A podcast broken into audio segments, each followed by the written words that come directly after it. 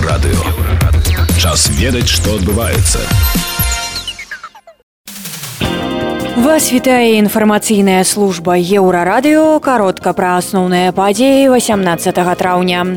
На Андрэя стрыжака завялі яшчэ адну крымінальную справу. Праваабаронцы прызналі палітвязнем экс-вядоўцу БТ Дмітрая Лукшу. У Беларусі пакажуць начную рэканструкцыю боя вайны ў Афганістане. А зараз пра гэтае ды іншае больш падрабязна. На аднаго з кіраўнікоў фонду байсол Андрэя стрыжака завялі яшчэ одну крымінальную справу паведамляе следчы камітэт беларусі.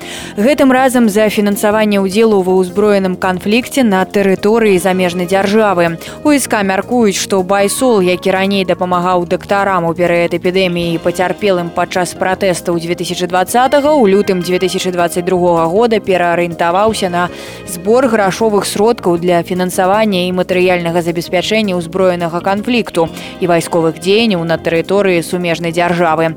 Прычым грошы ішлі ў тым ліку і ад людзей з Беларусі. Цяпер гэтымі людзьмі цікавяцца сілавікі. Беларускія праваабаронцы прызналі палітвязнямі 11 чалавек. Іх справы лічаць палітычна матываванымі і патрабуюць вызвалення. Сярод новых палітвязняў былы вядоўца праграмы зона X на БТ Лукша, які ўжо больш за два месяцы знаходзіцца за кратамі.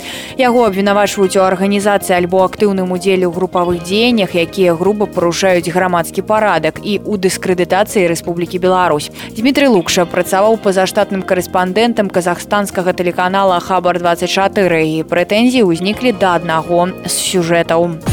21 траўня ў беларусі пакажуць начную рэканструкцыю боя вайны ў афганістане. Яе прымеркавалі да міжнароднага дня музеяў і арганізуюць у гісторыка-культурным комплексе лінія сталіна у рэканструкцыі задзейнічаюць не толькі жывую сілу узброеную аўтаматамі і кулямётам але і дзве бмд1 а таксама бмп1 савецкія войскі ваявалі ў афганістане з 1979 до 1989 у грудні ў сераду пачалі судзіць судзіць былога афганца мікалая аўтуховича уладальнік санта брэмар александр машэнскі зноў пакуль не трапіў у санкцыйны спіс ес хаця яго кандыдатура абмяркоўвалася. Абмеркаванне праходзіла ў траўні. У якасці аргумента гучала тое што машэнскі прыхільнік лукашэнкі падтрымлівае яго. Узамен ён атрымлівае магчымасць весці бізнес у краіне.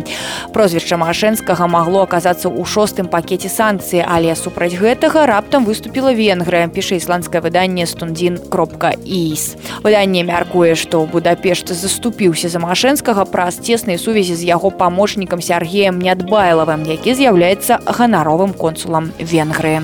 Гэта былі навіны на еўрарадыё. Заставайцеся з намі.